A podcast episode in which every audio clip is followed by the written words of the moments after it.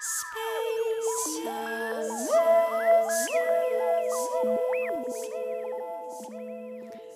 kveld, du lytter til Solveig Speisa Musikk på FM 99,3 Radio Rakel, din feministradio.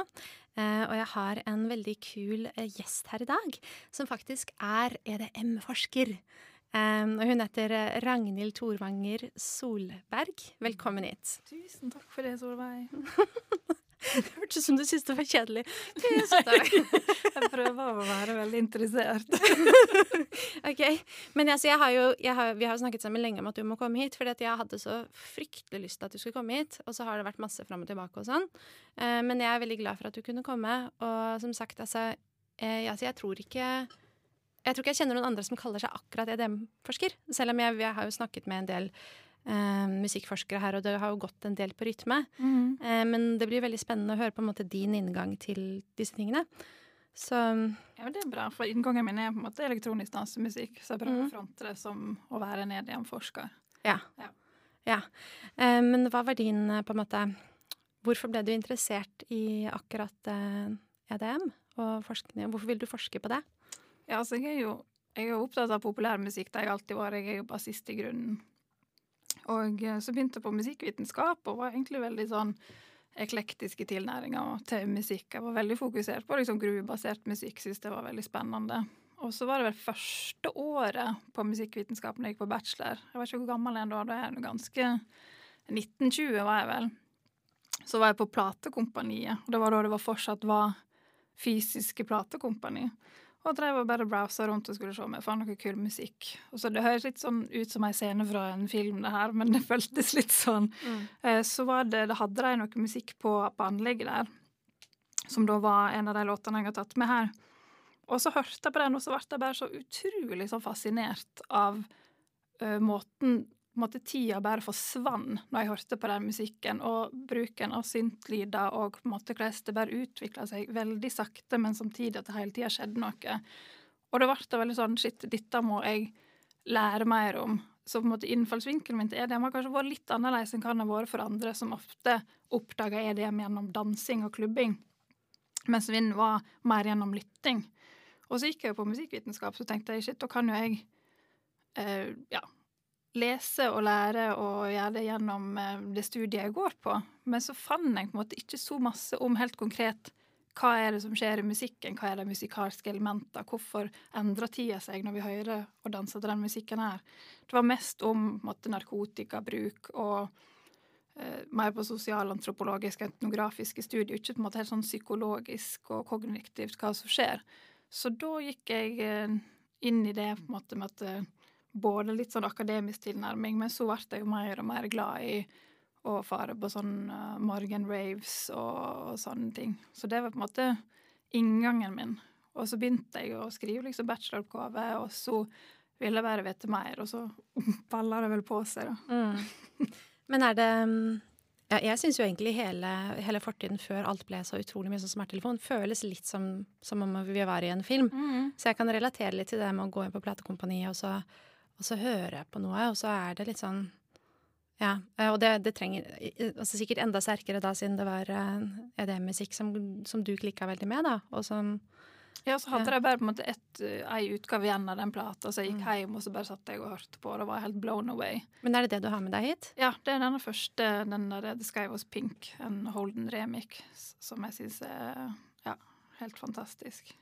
Skal vi høre på den, da? Ja, gjerne det.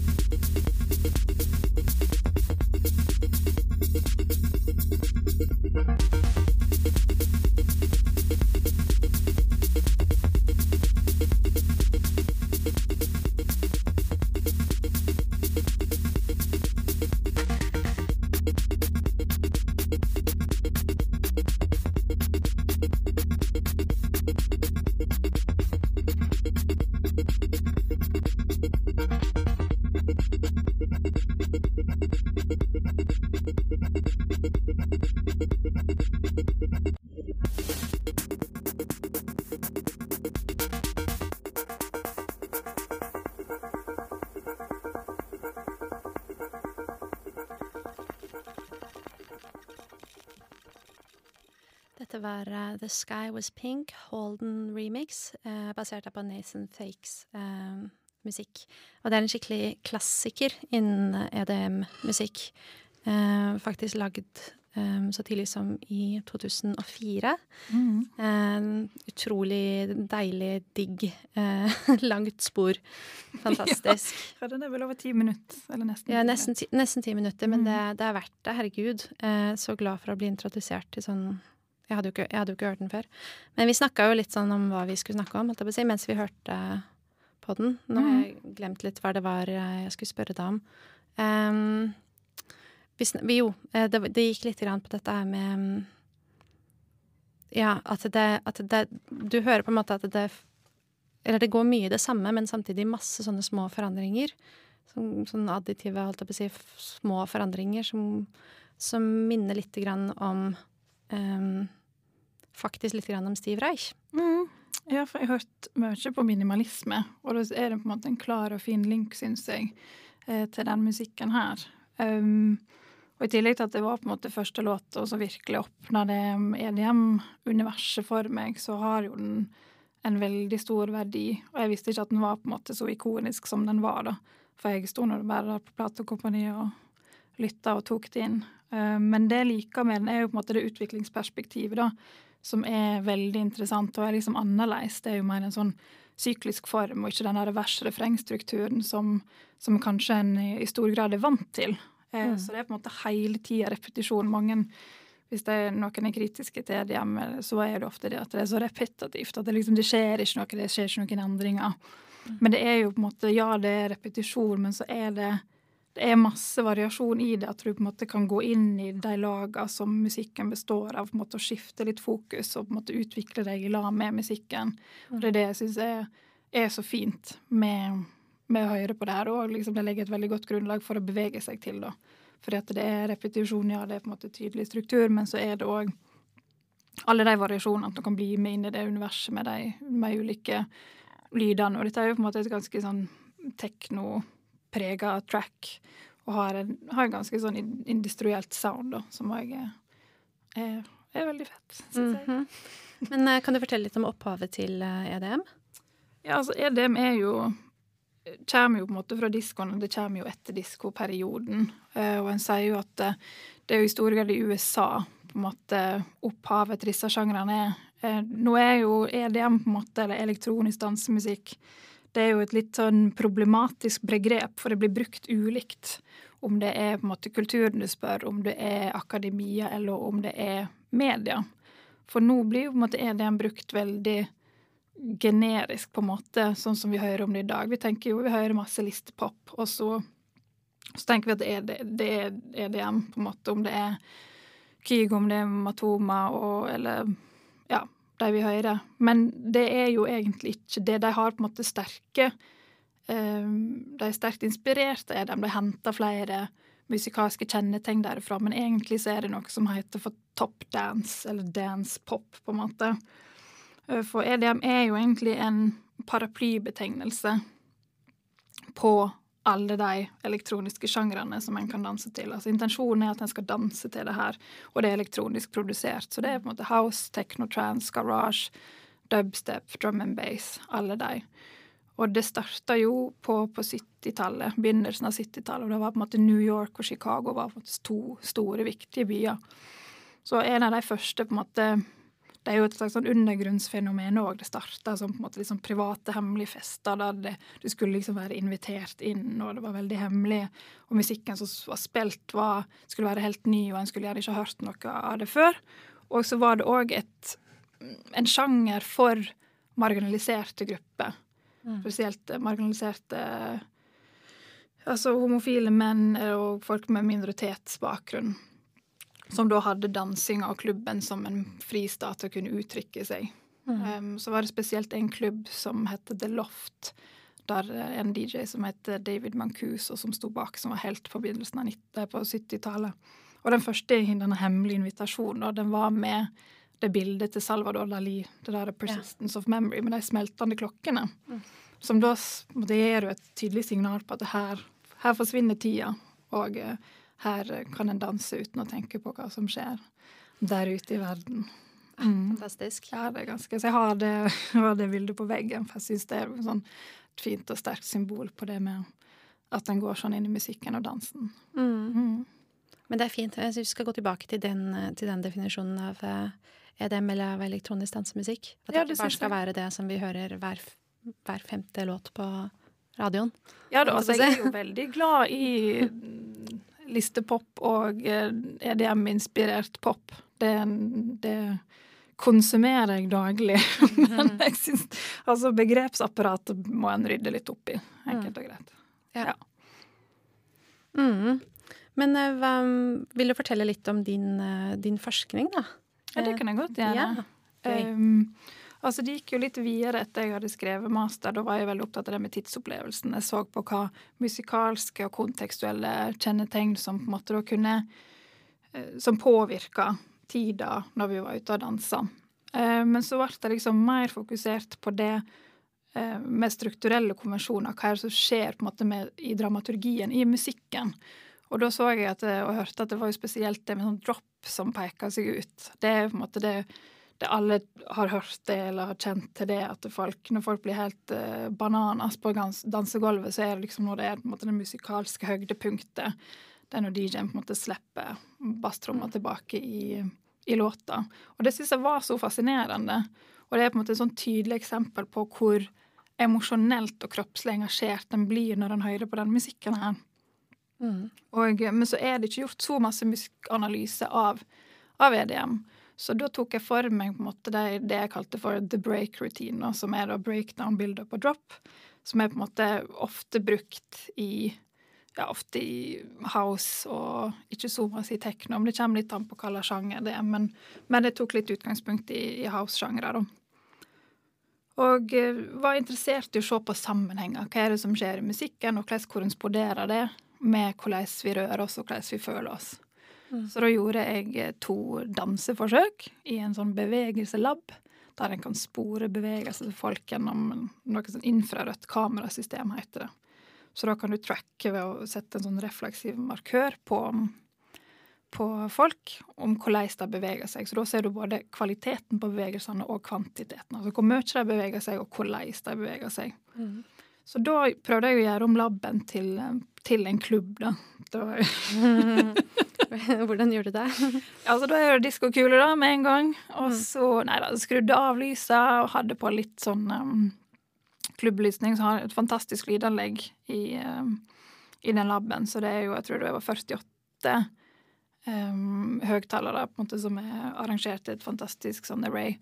Mm. Og så um, ba de inn, de um, forsøkskaninene, da. Og så fikk de danse til en miks i, i 15 minutter. Og den var da besto av fire låter. Den ene To av låtene hadde en ganske sånn flat struktur, mens så var det òg to sånne builds og drop.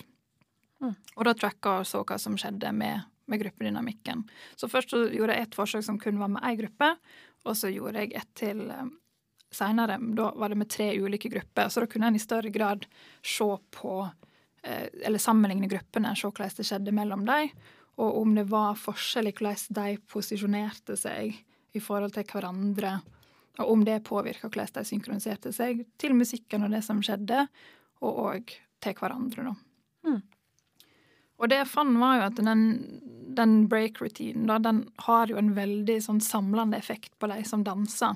Altså når vi målte hvordan det vertikale bevegelsesmønsteret var, altså opp og ned, for det er veldig mange liker jo å bevege seg Mm. opp og ned når de hører på det her, at den endra seg. Den var på en måte, de var nokså synkroniserte til beatet eh, før og til hverandre, men når de kom til eller var gjennom den der eh, break-routinen og droppet kom, så var de mye mer synkroniserte både til hverandre og til, og til beatet. Så den kan du si at når de har vært gjennom eller erfarer og dansa til et sånt høydepunkt, så samler det folk. Mm. Og da opplever de det på en måte sterkere når de da er i synk med musikken og hverandre.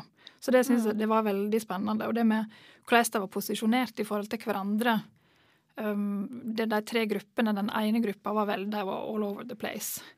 Eh, Mens den andre sto litt mer i ring, og den tredje var Da var det noen som sto i ro, for jeg, jeg ville på en måte ikke si til dem at nå skal dere bevege dere akkurat sånn. Jeg vil si gjør, beveg dere sånn som dere ville gjort på en klubb, Eh, Og noen danser da ikke. Mm. Og det påvirker jo da resten av gruppa.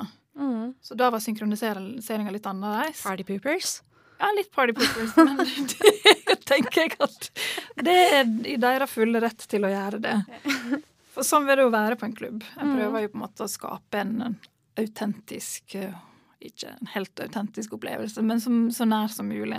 Mm. Men de som sto på en måte i ring, som helt intuitivt De var ikke instruert til det. De som sto i ring, de, de var så synkroniserte, og da ser en på en måte òg at de reflekterer av hverandre Mm. hvordan de, de rører seg, og hvordan de opplever musikken. Så det, det var et veldig fascinerende um, funn, syns jeg. Det er litt sånn at de har, har de forventningene også, at de kan jo de Eller de er jo gjerne kjent med den sjangerkonvensjonen. Eh, så de, de skjønner jo altså Med en gang du, med en gang du merker at det, forventningene bygges opp, så skjønner du at nå kommer det snart et, mm. et drop. Og så er det jo helt forferdelig når det ikke kommer når det skal. Hvis du kommer litt før eller litt etter, så er det jo helt forferdelig. Det har jeg opplevd. Ja da, og det er jo mange DJ-er som leker med de forventningene. For mye av det her handler jo om nettopp som du sier, det handler om forventninger, og det måte forventningsteorier rundt det her. At du får en kroppslig erfaring, du får en emosjonell erfaring basert på om du får den forventningen de innvilger, men òg når den blir brutt. Jeg har sett på en måte sånne DJ-er som som bygger så heftig opp til drop, og når droppet kommer, så skrur de over på en helt annen låt. Og da blir alle sånn kjempeforvirra, veit ikke hva som skjer. Men Nei. det skaper jo en slags, eh, slags reaksjon, det òg. Men, men jeg tror folk er jo på en måte, de har hørt disse konvensjonene så mange ganger at de, de veit hvordan de skal reagere, og hvordan, hva som kommer til å skje, men de veit ikke hvordan det kommer til å skje, og de veit ikke når det skjer. Så jeg tror mye av den emosjonelle erfaringa og den kroppslige erfaringa ligger i det. Mm. Og det, jeg gjorde òg et forsøk der folk var satt alene og lytta til musikk uten å bevege seg. Og da malte jeg frysninger. Altså det heter hudkonduktans. Men eh, da kan du måle om folk får liksom sterke emosjonelle eh, opplevelser av musikken. Og da så jeg at de fikk jo sterke opplevelser. De fikk eh, frysninger selv om de satt alene, selv om de satt eh, helt i ro. Mm. Og, um, og det sier jo noe om at det er en veldig kroppslig erfaring å høre på den musikken her. Og selv om du sitter i ro, så har du på en måte de konvensjonene, du har den, den kroppsligheten med deg. Så det, på en måte, det viser jo òg hvor tett det kroppslige ligger i musikklytting. Men var det også eh, EDM-musikk? som- Det var òg EDM, ja. Ja, okay. Det var òg bildet på drops. Jeg tror ikke jeg får så veldig frysninger av eh, EDM-musikk. Jeg får det mer av sånn ehm, Ja, jeg har, veldig, jeg har sånn skikkelig sånn frysningeperiode nå. jeg får liksom Jeg får dødsmye frysninger av, eh, av musikk, men da er det særlig musikk jeg har hørt før. Det kan eksempel være eh, nummer fire, eller et band som heter Bøler. Mm. Eh, og da er det gjerne litt sånn fin harmonikk og, og tekster, og det er en Mm. slags sånn forventningsbygging. Eh, og så har jeg kanskje hørt sangen noen ganger før. Da får jeg så sykt frysninger. Eh, og det, men jeg, og jeg digger jo, jeg digger jo eh, dansemusikk også, men da, det, det liksom nyter jeg på en helt annen måte, da. Mm. Men jeg vet ikke hvorfor det er sånn. Det vet kanskje du? Ja, så det er jo forskjellige teorier rundt det der. En, mange sier at det handler om det med belønningssystemet. At en, når en får eh, si, innvilga forventningene sine, så, så skjer det samme som når en, når en eter sjokolade eller når en, en har sex. At en blir måte, en får innfridd forventningene sine, og da lyser belønningssenteret opp. Og det, det er det samme som skjer når en, en hører på musikk. Og der er jo på en måte Personlig preferanse har jo masse å si der, men så mener en òg at det er noen sånne skal være litt forsiktig og si universelle, men som eksempel harmoniske vendinger, eller at det når et høydepunkt, at det er et stort sprang opp. Mm. Og spenninger som blir oppløst. Ja, at det er, det er noen sånn helt konkrete musikalske grep som skjer. Og det er vel òg det som skjer i EDM, at det på en måte når en musikalsk eh, høydepunkt som da gjør at det, en, får innvilga den forventninga, og at det når på en måte en topp. For ofte i um, i de build-upene så ofte bruker noe som heter uplifter, som er på en måte en sånn, kan være en hvit støylyd eller andre, som blir på en måte pitcha oppover. Og Mm. blir en på en måte dratt Det er forventningen, liksom. Ja, at den blir på en måte dratt i en, i en oppadgående retning. Mm. Som på en måte kan relasere seg til gravitasjonsteori og sånne ting. Morsomt. Men Vi skal snart høre neste spor, men jeg tenkte Mhm. kanskje et lite steg tilbake. fordi at det nå, ja, Vi sitter her og snakker på direkten på FM, og det er veldig gøy. Og jeg håper at det er mange som hører på og som digger det. Um, for nå kommer det et, et spor til. Og da tenkte jeg at du, eh, Ragnhild, kanskje kan forklare um, begrep, begrepene. Det, i tilfelle, for det er ikke sikkert at det er alle som er helt uh, stø i de, i de begrepene. Som da altså er build-up. Mm. Eh, og så var det, unnskyld, hvor var skal vi se, nummer to i denne, i denne rutinen. At det er build-up, og så kommer det Du begynner med breakdown. Det, Unnskyld, det er derfor jeg ikke finner fram, fordi jeg begynner med midten. Det begynner med breakdown, så kommer build-up, og så kommer drop. Ja. Hvis du bare kan forklare helt sånn enkelt hvert av de begrepene, Ja. og så kan folk eh, som hører på dette her, lytte etter det. Um, Ja, ja for dette han, handler jo på en måte om form og struktur i EDM, og det finnes jo på ulike nivå. Ofte så skal jo de tracksa som er laga i EDM, de skal ofte de fungerer jo i en slags heilskap. Det skal gjerne inn i et DJ-sett. Så derfor vil du ofte, når du hører på EDM-låta, så starter de gjerne med bare trommer. Og så bygger det seg opp, og så bygger det seg ned igjen, og så slutter det bare med trommer. Det er for at det skal bli mm, beatmatcha crossfader med andre låter, sånn at det, kan bare gå gå, gå når folk er ute og danser. Eh, og så har vi da på litt på litt lavere nivå, som da er da i selve tracksa, så finnes det ulike seksjoner, da. Og det ligger jo litt i navnet hva, hva det går i. For så breakdown, da blir på en måte grooven, eller iallfall rammeverket, det rytmiske rammeverket, blir ofte fjerna. Og det vil si basstrommer og kanskje noen andre sentrale musikalske element. Og dette for å skape en, en slags sånn variasjon eller break. Noen ganger så er det for at danserne tar en liten pause og tar det litt sånn roligere. Men det er måte for å skape dynamikk i, um, i musikken. Og etter hvert så vil en bygge det opp igjen. Eh, EDM består ofte av mange lag som blir på en måte lagt oppå hverandre, og så i lag så skaper de på en måte en slags groove-helhet. Um, og så blir det ofte endringene blir eh, introdusert etter sånn to, fire, åtte eller 16 takter, så det er liksom matematisk lagt opp. Men i build-upet så blir gjerne ett og ett element lagt til igjen, for så å bygge det opp mot det, det fantastiske droppet. Og da Altså, de, i, breakdown så er det på en måte litt sånn dramatiske endringer som har skjedd. Plutselig så høres det helt annerledes ut, og så skal den reintroduseres til, til den vanlige gruven igjen. Og da er det ofte at en da for å liksom få understreke det høydepunktet som er på, på vei, så kanskje en putter på en, en trommerull, sånn at det er et slags sånn signal om at nå nærmer vi oss veldig. og, og litt sånn at de bruker uplifters, eller at de tweaker oppover, sånn at du får de oppadgående lydene. Ja. Kjempeflott. Kjempeflott.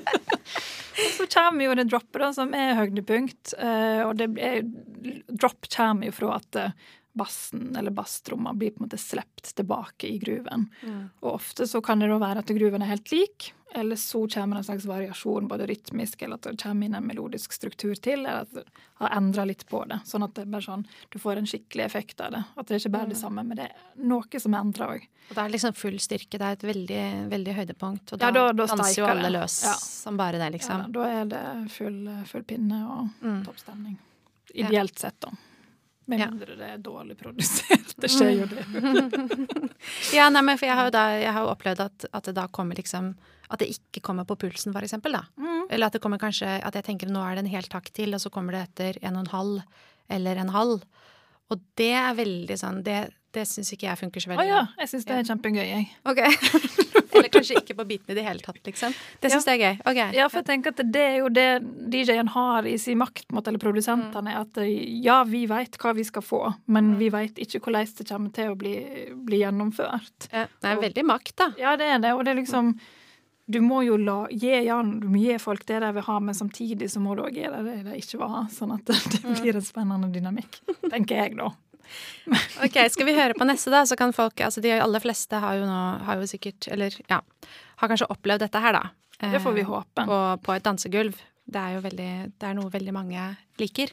Eh, og nå får vi da en smak av dette dansegulvet igjen i låta 'Horizon' av Ejeka. Er det sånn man sier det? Ja. Mm.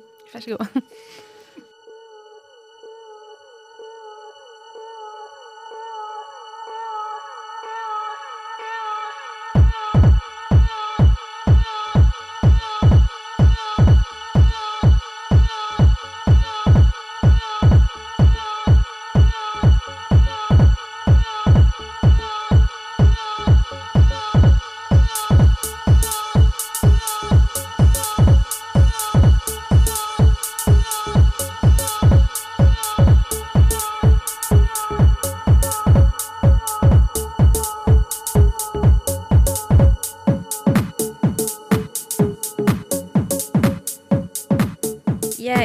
eh, Horizon heter denne låta, og det var med Jeka. Og jeg heter Solveig Sørbø eh, og sitter her med Ragnhild Torvanger Solberg. Eh, programmet heter Solveig Spesa musikk, og tekniker er Ingmar Bob Nilsen. Da fikk jeg sagt det også. yeah! OK. Vi snakka jo igjen da litt om, om hva vi skulle snakke om. Og så hadde da rett og slett Ingmar på teknikerrommet her et spørsmål, så jeg tenker du skal få lov å stille det selv. Ja, takk. Eh, jeg, jeg lurte på, på grunn av all den forskninga di på drops og build-ups og sånt, om du har forska fram til det perfekte droppet? Det perfekte dropp. Ja, det, det er veldig mange som er interessert i det med det perfekte dropp.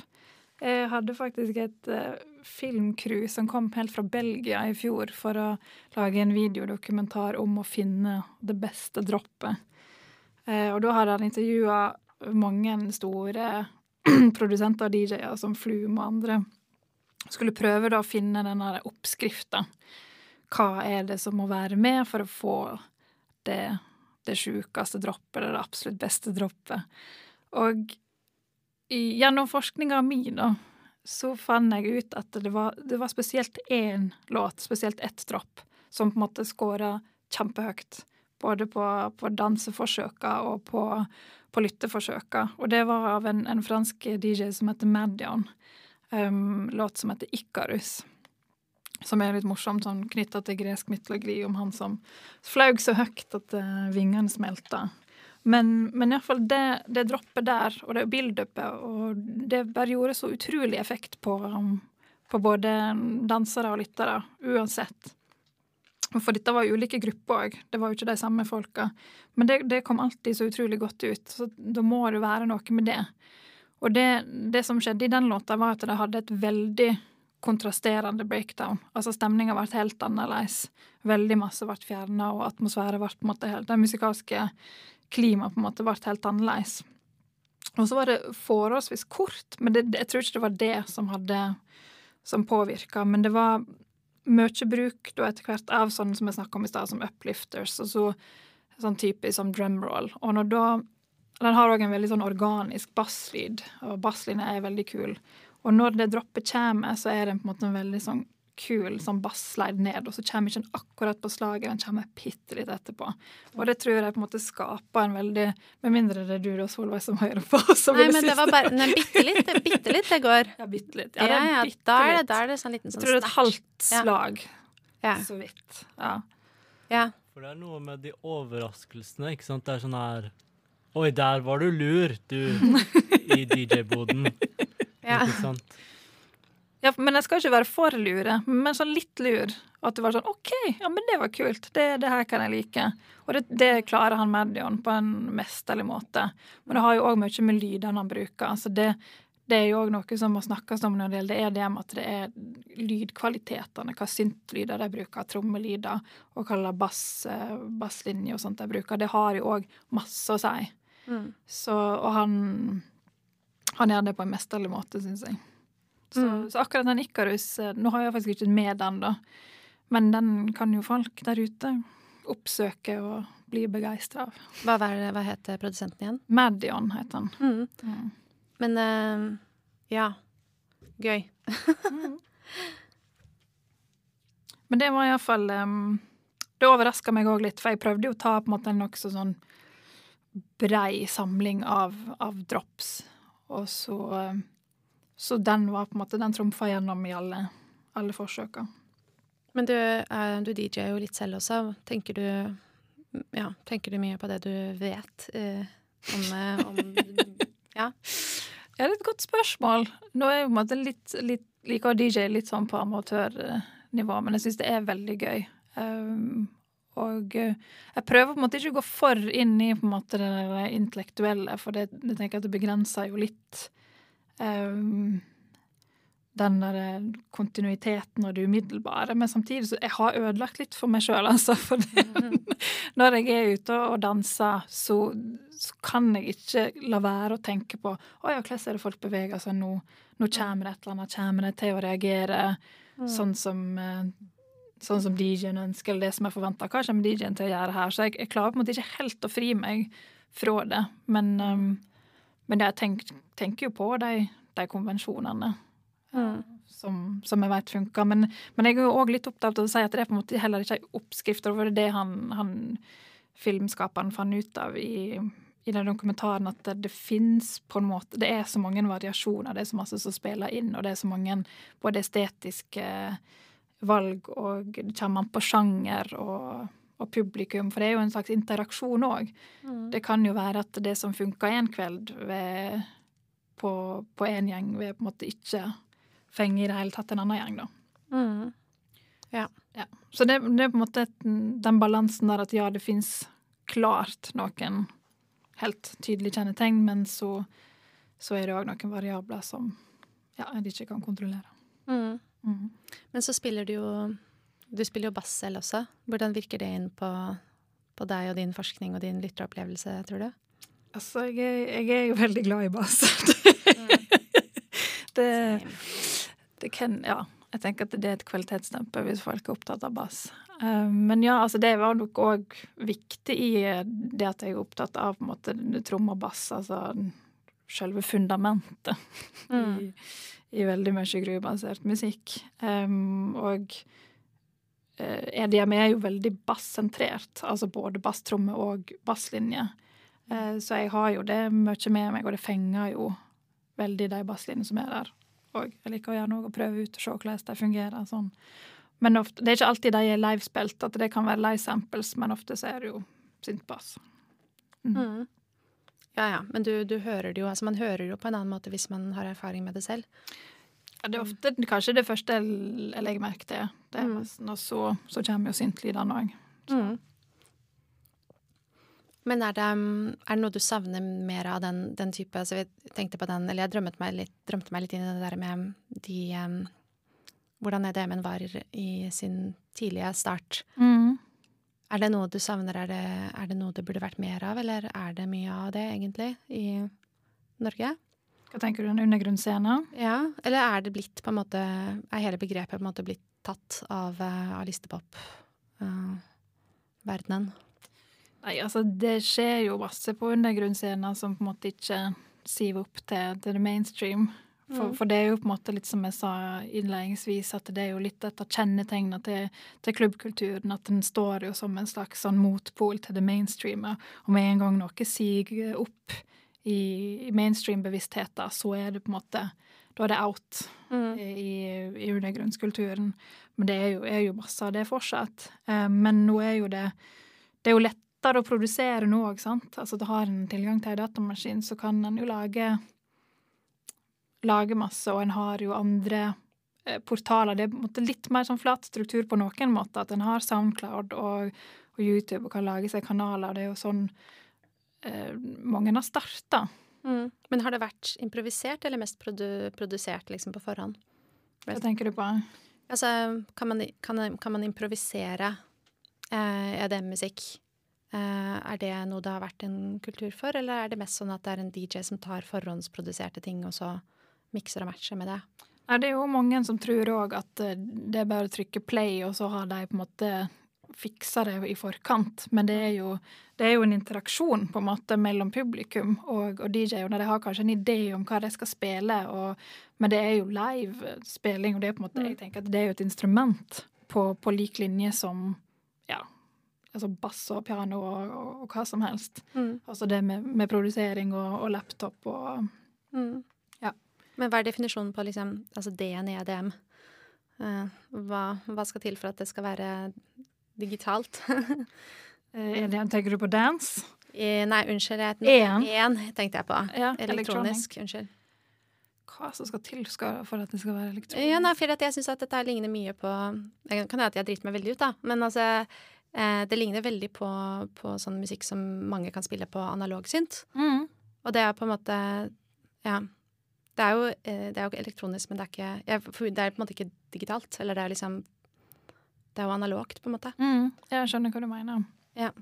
Nei, altså, en tenker jo ofte at en bruker sånne digitale workstations, at det er det som er instrumentet. Ja, for mange gjør jo det. Ja, veldig mange gjør det. Men en har jo, en har jo sånn så Disclosure, da, som er jo en fantastisk duo fra, fra England. Eh, og de har jo på sine konserter så har jo de på en måte fullt oppsett med mange synter og eh, pads og trommer, og, og Mm. de spiller jo òg bass. Ja. Eh, så, og, men det blir jo karakterisert som medium eller som Ja, sant, UK garage. Um, Ja, for det kan jo høres ganske likt ut, enten mm. det er spilt eller om det er lagd i Ableton, liksom. Ja, Absolutt. Så jeg tenker at det, jo, elektronisk produsert det er jo selvfølgelig kjempeviktig i den verden, da, men jeg tenker at det, det dansbare er òg intensjonen, og eh, så ja, flyter det kanskje litt over i det kunstneriske òg. Mm. For jeg tror jeg skal, eller jeg er ganske sikker på at jeg skal ha en Bare for å peke litt fremover til en annen sending, så kommer nok eh, en sånn analogsynt-fyr som heter eh, Daniel Wien. Og han snakker mye om det der. Han har sånn opplevelse av å ha sånn crowd control, som han kaller det. Mm. da. Han, han har utvikla en sånn veldig sånn sans for hva, hva folk trenger. Nå skal de ut og røyke, da setter jeg på det. Mm. Nå vil de danse, da gjør jeg litt sånn. Og, um, han er mer sånn innen sånn um, Han kaller det lusketekno, da. Det er liksom litt, litt saktere enn vanlig tekno. Kult. Um, og veldig dansbart. Så det var bare for å peke fremover. Jeg Vet ikke når han kommer, kanskje på en nattsending. Uh, og han improviserer alt på modulær Mm. analog synt. Eh, det er jo sikkert noe som er forberedt, da, men det er, det er veldig mye sånn skjer i øyeblikket. Mm. Eh, og har mange av disse masse tingene. Altså det er jo blant annet den, det filteret som du kaller Hva var det du kalte det? Det som går sånn psh, Sånn. Uh, Uplifters. Ja, uplifters. Bruker mye uplifters, og så har det drop, ikke sant. Så det, så det kan folk eh, hvis Jeg vet ikke om jeg har noen faste lyttere, men hvis jeg har det, så kan jo de følge med. Og så jeg prøver å lage litt sånn kryssreferanser innimellom når jeg, når jeg kommer på det, selv om jeg ikke har oversikten helt. Men eh, ja, og så vil jeg også minne folk om å Um, at det, det går an å følge med på sosiale medier, og, og det går an å høre på podkast. Um, Solveig Spisa Musikk. Eh, bare så jeg fikk sagt det også. Men eh, Ragnhild uh, Torevanger Solberg, dette her er jo kjempegøy. Du er jo bare Du er jo så kunnskapsrik og flink og i det hele tatt. Dette er jo Så gode spørsmål, vet du. ah, Jeg pleier å si det at jeg må stille de dumme spørsmålene slik at jeg får de gode svarene. Mhm. Det er noe som er et dumt spørsmål, egentlig. ja, jeg må jo si det på en litt sånn hva heter det, tabloid måte. si. Bare sånn, ja. Men vi, har, vi skal snart gå over til, eh, til eh, siste spor. Eh, men hva skal vi snakke om før det? Jo, vi kan jo kanskje snakke litt om det sporet. Ja, det, det er er, fint. jo, det er jo helt fantastisk. Mm. Mm, Jeg tenker at nå går vi ut med den siste låta på, på ei høgde, for det er da Max Cooper. Han er da en, um, en audiovisuell kunstner, så han jobber veldig interdisiplinært mellom både eh, video og eh, musikk og teknologi, og han er òg forsker. Så han har ja, veldig spennende lydlandskap, syns jeg. Eh, så, så hvis en sjekker ut noen av låtene, så må en se videoene òg, for de henger, henger veldig tett i hop. Men han, han fungerer jo mye innenfor tech, da. Og, og den perpetual motion som jeg har valgt her, da, den går jo veldig i en av mine favorittpolyrytmiske figurer, som er fire mot tre. Og det, det er en figur som går gjennom i ekstremt masse EDM, så dette er på en måte krasjkurset i den, eh, i den figuren. da. Mm. Um, og han viser jo da hvordan bare eh, å, å sentrere en låt kun rundt det funker jo utmerket. Så mm, det er rett og slett noe av den vakreste musikken jeg hører. Det er Max Cooper. Det er så delikat produsert. Det er så heilstøpt og velbalansert. Og det er noe med de syntlydene han bruker òg, som er helt fantastiske. Så en kan på en måte høre og høre og høre på det, spesielt den låta her, uten å, å gå lei, da. Mm. Så den er veldig stemningsfull, og ideen bak låta handler jo òg om det, på en måte, den kontinuerlige bevegelsene i oss mennesker, som jeg syns òg knytter det fint sammen til det med, med tidsopplevelse og det å være i bevegelse, som er jo mye tenkt til den musikken her. Men her kan en òg ja, Tankene kan òg fare veldig når en hører på, på Max Cooper, da. Hvorfor tror du man mister den tidsfølelsen? Jeg, altså, det er et innmari godt spørsmål. Jeg syns Ja. det med opplevelse av tid har alltid forundra meg veldig. Jeg syns det er et veldig komplekst uh, fenomen. Jeg syns alltid det har vært vanskelig å skjønne hvordan, hvordan tid fungerer, hvordan noe oppleves som det tar ulidelig lang tid, mens andre ganger så går det utrolig fort. Mm. Og det med musikk, på en måte, det tydeliggjør det på en slags måte. Um, ja, så jeg synes det, det er vel kanskje Ofte så er jo det at en forsker gjerne på ting som, som, som en sliter litt med å finne ut av i det virkelige liv. Mm. Så ja. Nei, jeg vet ikke, jeg. En, en kan jo drømme seg vekk. En følger på en måte musikken. En blir sånn oppslukt av det musikalske landskapet. Mm. Og at en kan på en måte, det trigger jo bevegelse, en har lyst til å røre seg. Og jeg tror når en blir engasjert kroppslig og emosjonelt, så ja, så skifter en fokus på Hvordan kan man følge med på det du driver med? Jo, altså, jeg har jo, har jo skrevet forskjellige artikler, Mm. og um, har jo planlegger jo flere, så det er jo bare å Twitter eller noe Ja, sånt? Twitter er fint. Ragnhits. Ragnhits. Mm, kjempebra brukernavn. Ja. Opp, opp, oppfordrer folk til å følge deg der, da. Nei, men Kjempefint. Tusen hjertelig takk, eh, Ragnhild, Ragnhild Torvanger Solberg. Eh, Kjempe, kjempestas å ha deg på besøk i, i Solveigs PC Musikk. Tusen takk for at vi kom. Veldig kjekt. Perpetual Motion av Max Cooper skal vi da avslutte med.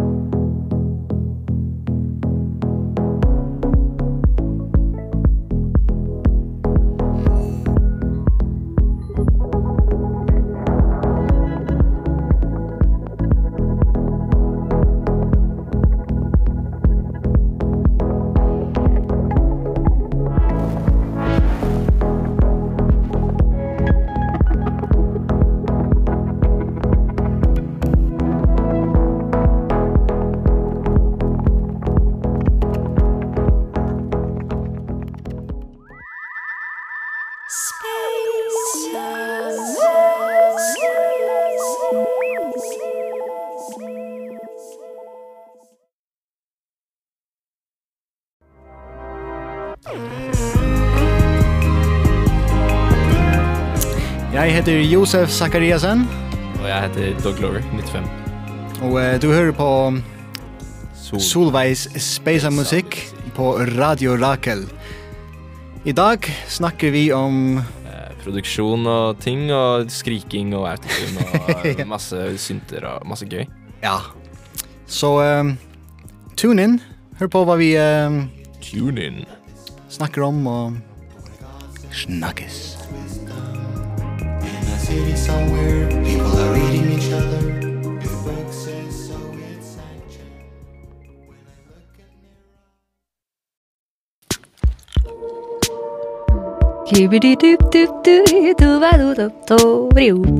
Du hører på Speisa Music, og dette er Live for en fris radio. Love your radio!